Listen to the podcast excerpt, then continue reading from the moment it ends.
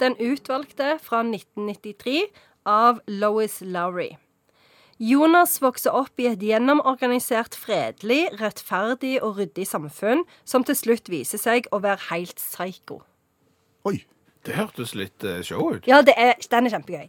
Den anbefaler jeg til alle eh, mennesker. Og det er egentlig skrevet som ei ungdomsbok, men em, den er gøy for alle.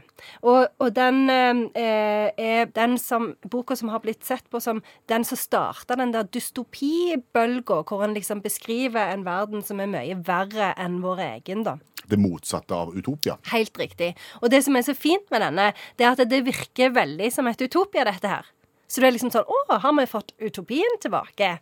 Eh, men så er det jo ikke det. Hvor er vi hen i verden? Vi er i et slags sånn framtidssamfunn, eh, hvor liksom alle eh, Han Jonas, han, han er tolv år gammel, eh, og s- er på, når de er tolv år, så bestemmer samfunnet hva slags jobb du skal ha ut ifra interesser, eh, eh, intelligens og all slags sånn, for da har de liksom kartlagt deg.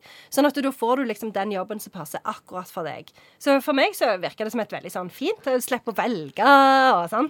Eh, alt er liksom veldig greit, og alle har veldig sånn respekt for hverandre og behandler hverandre veldig bra. Det er ikke problemer med vold eller kriminalitet eller noen ting. Men så viser det seg jo at det, det er en del ting som skjer bak kulissene som eh, ikke er gode. Dette høres ut som en film. Ja, det er faktisk en film. Det er en film, Ja, ja. Og han, det er ikke så veldig lenge siden filmen kom. Eh, Jeff Bridges spiller i den. Fikk ikke så veldig god kritikk, eh, så jeg har ikke sett den. Men eh, så jeg anbefaler egentlig boka.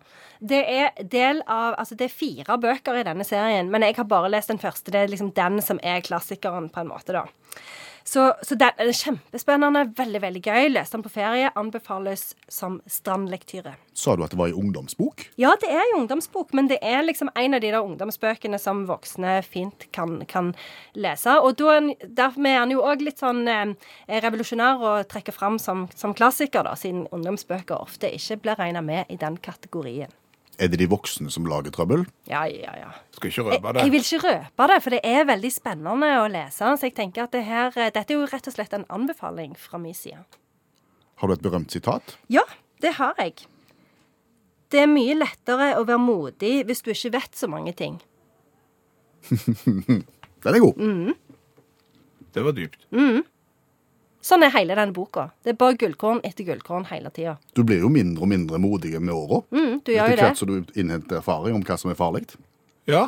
Du er ikke så dum, han. Hun. Nei, hun. hun ja, det er òg Lo- viktig. Lois det er Lane. Louis Lane. Ja, det er det. Han er tøysen, men Hun heter Louis Lowry. Louis Lowry, ja. Ja. Helt riktig. For det er jo liksom, det er jo mye lettere å ta bjer- berg-og-dal-bane når du er 10, Mhm. enn når du er 44. Vet ikke om jeg hadde gått ut på Kjeragbolten i dag. Nemlig. Vil du oppsummere den utvalgte?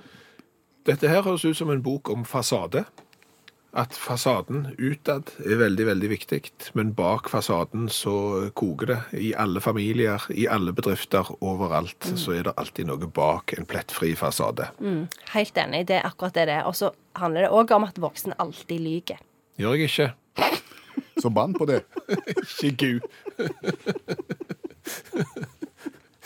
Det var veldig smidig. Tusen takk, Janne Stigen Drangsholt, forfatter og litteraturviter.